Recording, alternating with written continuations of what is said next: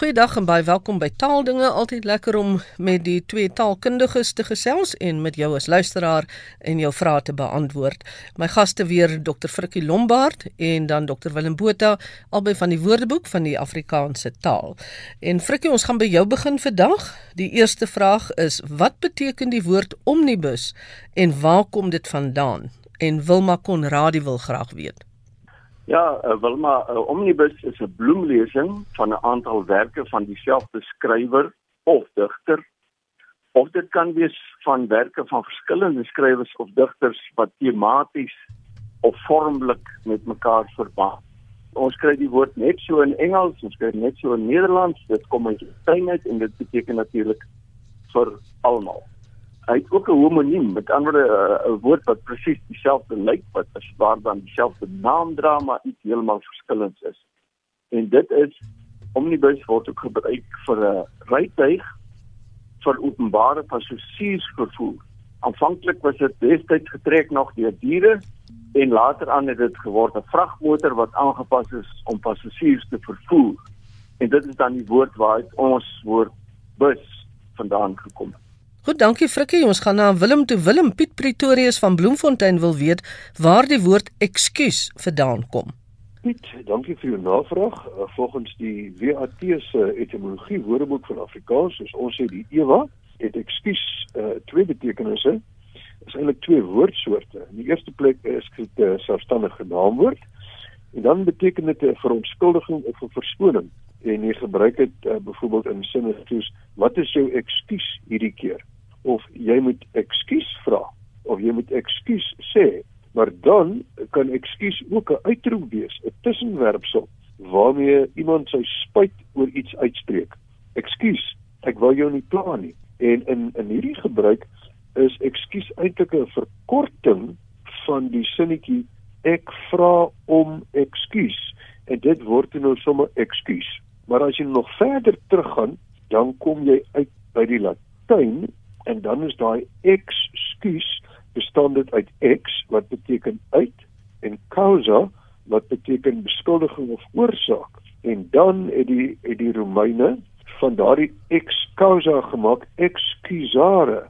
En daar erken jy nou al klaar vir ekskuus so excusare die werkwoord het beteken om vry te spreek van skuld en daar is nou min of meer die hele verloop van sake Interessant, ons uh, uitdrukking verskoon my wat jy gebruik wanneer jy 'n geselskap of 'n kamer wil verlaat, jy vra eintlik verlof om die geselskap te verlaat. Daardie verskoon my sê hulle is 'n leenvertaling uit Engels excuse en nou is ons terug by excuse. So verskoon my en excuse is basies van dieselfde stam afgelei. En dan ook 'n soort van 'n verontwaardiging as iemand iets sê excuse Ja, dit is nog 'n betekenis. Frikkie, ons is terug by jou Gert van Rein het gelees van iemand wat in die Harla Boerla van die koerantbedryf ingeplons het. Wat is Harla Boerla? Dit klink nie vir my of dit 'n lekker ding kan wees nie. ja, uh, Gert, dit is uh, dit kom waarskynlik uit die Engels wat so word gereken hurly burly. Dit het ook 'n wisselvorm Harla Boerla of Orla Boerla. En die ding is primêr 'n selfstandige naamwoord Uh die eerste betekenis onderskeiding wat ons daarvan het is dis 'n verwarring of 'n wanorde, 'n remoer. Uh 'n voorbeeldsin toe die leeu op hulle afgestorm het, het dit 'n harla boedla onder die draers van die safari veroorsaak. Dit word 'n totale verwarring of wanorde. Jy kan jou dan ook tot die harla boedla van 'n bad kan jy toetree, dan tot die wanordelike debat as dit ware. Uit daardie betekenis van verwarring of wanorde het daar by uitbreiding nog iets ontstaan en dit is die persoon iemand is 'n harlaboerla met ander 'n persoon wat wanorde skep of wat vermoedig is of lawaai veroorsaak of selfs verward of hals oor kop of onderste bolder dinge doen dan jy 'n regte harlaboerla die die die ding is hy kom ook as 'n bywoord nog voor en dit beteken maar net deur mekaar of hals oor kop die blydskap is vreugde wat nie sommer soos 'n wolk breek om op eens harla boerla oor meester nie vir deur met klaar manier laat oorwees. En dit is maar soos die ding werk, soos ek sê, dis nie 'n 'n woord wat in baie mense se woordeskat waarskynlik aktief is. Goed, Willem, wat is die verskil tussen draghoender en dragonder? Vra Teresa van Viljoenskroon. Ja, dit het alles begin by dragonder. Dit is uh, nou al 'n uh, woord wat ons sou merk as histories omdat dit verwys na iets wat nie meer bestaan nie en uh, dragonder was aanvanklik 'n uh, infanteris, 'n uh, soldaat met 'n uh, geweer op 'n perd. Dit was 'n berede infanteris en dit is 'n uh, iets wat ingestel is in Frankryk in 1550 en die doel was dat hierdie infanteris nou met die perd sou ry na die plek waar die konfrontasie of die konflik is en dan moes hy te voet verder veg. So hy het nie die perd gebruik om te kom waar die geveg is. Nou in Suid-Afrika het ons ook in die tyd van die Oos-Indiese Kompanjie, daaroor in die 17de eeu het ons ook hierdie woord gebruik. Ek het hier 'n mooi aanhaling van professor Piet van der Merwe van die Geskiedenisdepartement van Stellenbosch van jare gelede en dit lui soos volg: "My nier, gesteen deur 'n paar dragonders, is in Graafrenet agtergelaat as resident kommissaris van die twee grensdistrikte." Nou draghoender is eenvoudig nou maar 'n afleiding van dragonder. Dis eintlik so 'n stukkie verwarring. En 'n dragoner is 'n niks beduidende persoon, 'n rondloper, 'n niks niks, 'n ambraal. Nou dit is my interessant hierdie ambraal. As jy gaan kyk na ambraal in die WAT, dan is die eerste betekenis 'n kinderspieletjie. Tweedens is dit 'n siekerige, knieserige persoon. Hoe gaan dit vandag met ambraal? En dan derdens is dit nou die betekenis wat by draghoender betrokke is. Iemand wat nie veel beteken nie 'n sukkelaar 'n swak broertjie staan nog hier in die WAT jy weet dit is in 1950 is hierdie deel van die WAT mekaar geslaan en een van die sinonieme is swak broertjie. En dan die vierde betekenis is 'n liefderyk spottende benaming veral vir 'n kind. Toe kom nou al Ambraal ek wag vir jou. Dit is dan nou die hele storie van dragonder en draghoender Frikkie, tekste swart. Hy wil graag weet hoekom word die dorp vereniging op die weerkaart saans met dubbel E gespel. Dis nou V E R E E N I G I N G. En ek wonder ook nou sommer. Dit is 'n interessante vraag. Ons weet die vrede ooreenkoms na die sogenaamde Suid-Afrikaanse oorlog wat ons ken as die Boereoorlog is vernoem na die plek as dit ware alhoewel dit in Pretoria onderteken is en hy vra of die verkeerde stelling om teks vra of die verkeerde stelling dalk iets te doen met daardie ondertekening want hy sê as hy na die weerkaart kyk dan sien hy dit op TV en dan val dit hom elke keer op. Nou net miskien 'n bietjie agtergrond. Die naam kom van 'n uh, oorspronklike eienaar van 'n uh, uh, myn, die Suid-Afrikaanse en Oranje Vrystaatse kolen en minerale myn vereniging met twee e's daar langs mekaar. Nou die naam dui nie op die politieke pogings om eenheid tussen die Suid-Afrikaanse Republiek, die ZAR en die Vrystaat te weeg te bring nie. Dit het ontstaan van die hierdie maatskappy wat aansoek gedoen het dat die dorpsgebied op die plaas Newcale toegestaan moet word en Paul Creer het later dit so toegestaan. En die dorp het natuurlik beroemd geword vanweë die vredesverdrag, vredesonderhandelinge wat daar plaasgevind het en wat later onderteken is en wat bekend sou raak as die vrede van vereniging. Maar nou om te antwoord hoekom is daar twee e's? In ouer Nederland is dit wel geskryf die woord vereniging met twee e's langs mekaar. Later in Nederland het dit net gewoon vereniging geword soos wat ons dit tans ken ook in Afrikaans. Nou daar is ook 'n reël in die in die AWS, die Afrikaanse woordlys, spelreël 18.2 wat sê die klank e, die dubbel e wat jy hoor word in 'n oop begin of binneletter deurgegee met 'n enkele vokaalletter. En dit is daarom dat ons vereniging tans skryf soos wat ons dit wel skryf.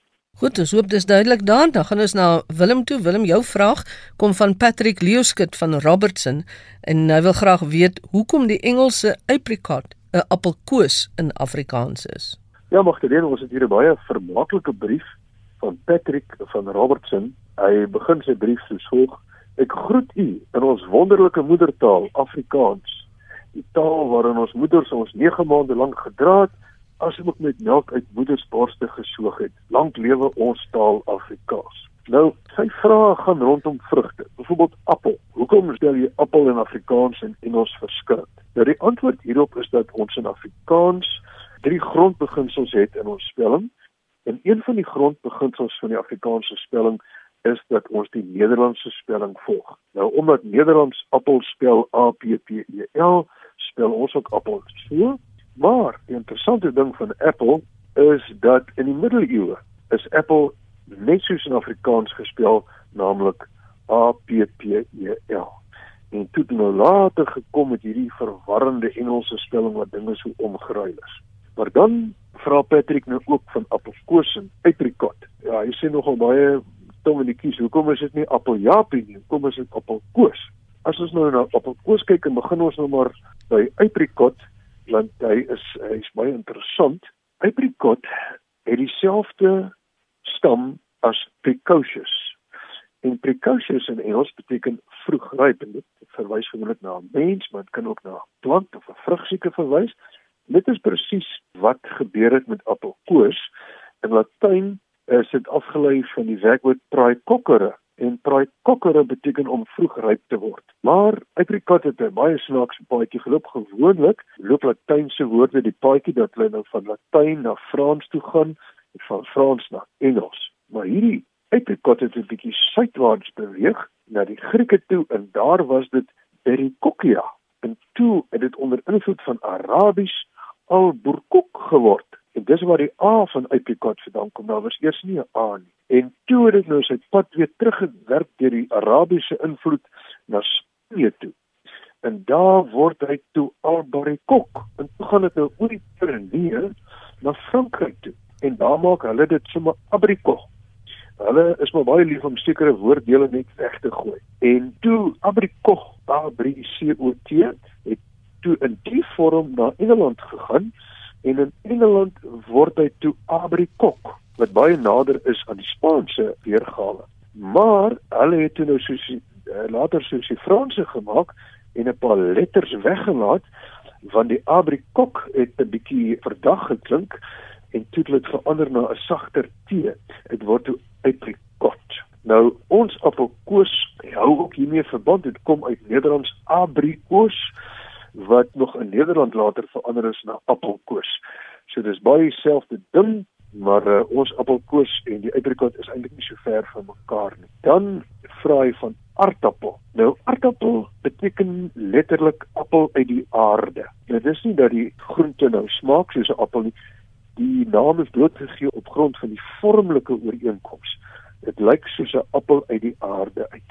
Nou vra hy nou, hoekom praat hy nie van 'n earth apple nie? Hoekom praat hy van 'n van 'n potato? Nou potato in Engels kom uit die Spaans patata. En patata is 'n samestelling van batata wat 'n patat is en papa wat 'n aardappel is. Nou iewers langs die pad van Nederlands na Afrikaans het die aardappel verander na aardappel. Ons het die D na T verander want dit is soos jy dit uitspreek in elk geval baie interessant verder. In Nederland gebruik jy aardappel in die noorde van Nederland en in die suide van Nederland gebruik jy patat vir wat ons 'n aardappel noem.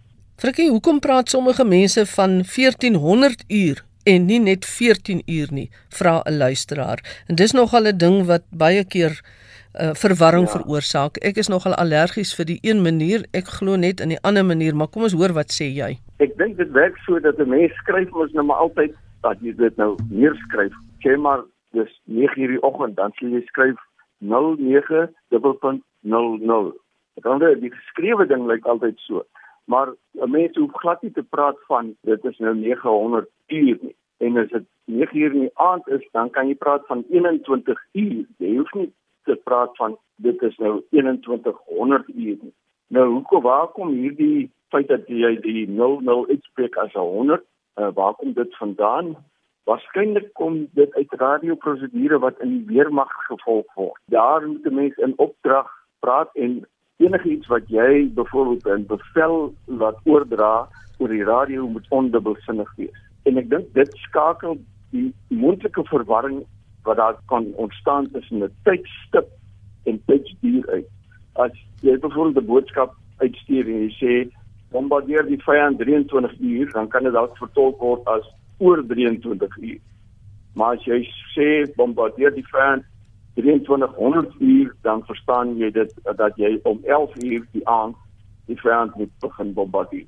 Dit gaan dus maar net oor baie eksplosief wees, maar vir ons gewone sterflinge wat nou nie met die weermag sake te doen het, jy kan 'n mens mag gewoon praat van 9 uur in die oggend of 21 uur in die aand. Die gereelde kerkbanker, Dominee Daniel Malan, het verskeie klippies in sy skoen en hy vra dat ons 'n bietjie gesels oor die dinge wat hom pla. Frikkie, hy het 'n hele paar dinge, so sal jy sommer begin en vir hom ehm um, geruststel. Ja, ek weet nie of ek hom gaan geruststel nie, maar kom ons probeer. Uh hy sê is ons wat jy dit wil hoor, nie hoofsaaklik 'n inklusiewe woord nie, want uh as hy hoor so iets soos ons het nou as gevolg in te midde van die grendeltyd miljoene rande by die IMF e en die ander instansies geleen, dan dryf dit hom effens teen die mure uit want hy het geen aandeel in die besluit gehad nie. Hy is nie deel van die ons nie. Hoekom word die werklike betrokkenes nie by die naam genoem nie? Nou ek moet nou sê, ek dink in die bepaalde konteks kan daar waarskynlik gepraat word van ons en dan is dit naamlik waar die ek as deel van die ons is dan die staatspresident sê maar en die ander persoon of persone wat by ons ingesluit word sal dan 'n regeringsamptenaar vir alle tipiese minister wees wat saam die besluit geneem het. Nou, ek weet bestuurders gebruik baie keer die woord ons om 'n besluit demokraties te laat klink terwyl dit eintlik maar een persoon is wat die besluit geneem het. En dan kry jy mens natuurlik ook die interessante geval van 'n pluralis majestatis wat 'n latynse leenwoordgroep is en veral plegtig gebruik word en dan het jy 'n meervoudsvorm wat soms in amptelike dokumente of geskrifte in plaas van die aangewese enkelvoudsvorm gebruik word. En dit beteken eintlik omtrent ek soos in ons waardeer die blyke van belangstelling tydens die siekte van ons vrou. As dit natuurlik ek waardeer die blyke van belangstelling tydens die siekte van my vrou.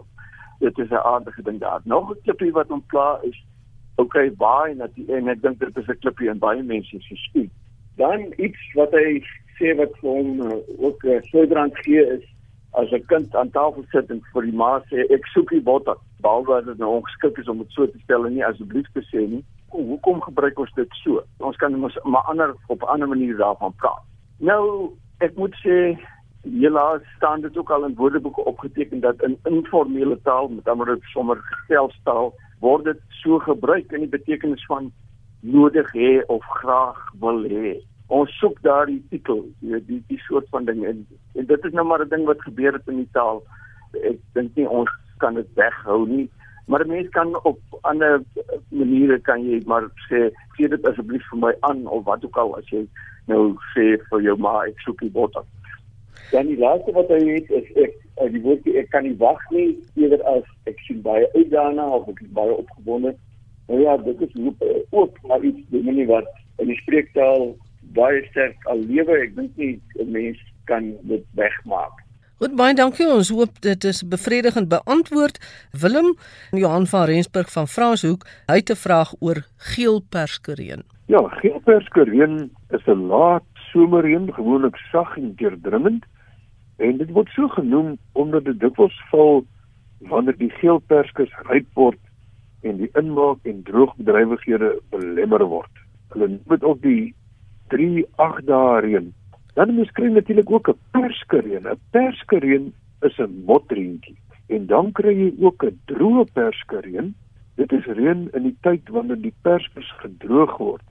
En die reën is dan baie onwelkom omdat dit aansienlike skade kan veroorsaak met die droëry van die perskers. En dan 'n laaste vraag waarvoor ons tyd het, anoniem van K, is ongelukkig oor die frase termes en voorwaardes. Nou dit is uh, baie keer ook wat mense nou in onder 'n advertensie of 'n kompetisie sê terme en voorwaardes, maar die Afrikaans is mos maar eintlik bepalinge en voorwaardes. So dis doodgewoon maar net 'n verkeerde vertaling. Ja, dit uh, bepalinge en voorwaardes is is verkieslik, maar as jy dan nou term moet gebruik wat verkeerd is, die enkelvoud van term is term, dis nie terme nie. Hulle word verwar deur voorwaarde en voorwaardes. So nou maak hulle dit termes en voorwaardes. As jy dan 'n term moet gebruik, is dit terme en voorwaardes. Maar soos jy sê, is die korrekte vorm uit bepalinge en voorwaardes. So termes het absoluut geen bestaansreg nie.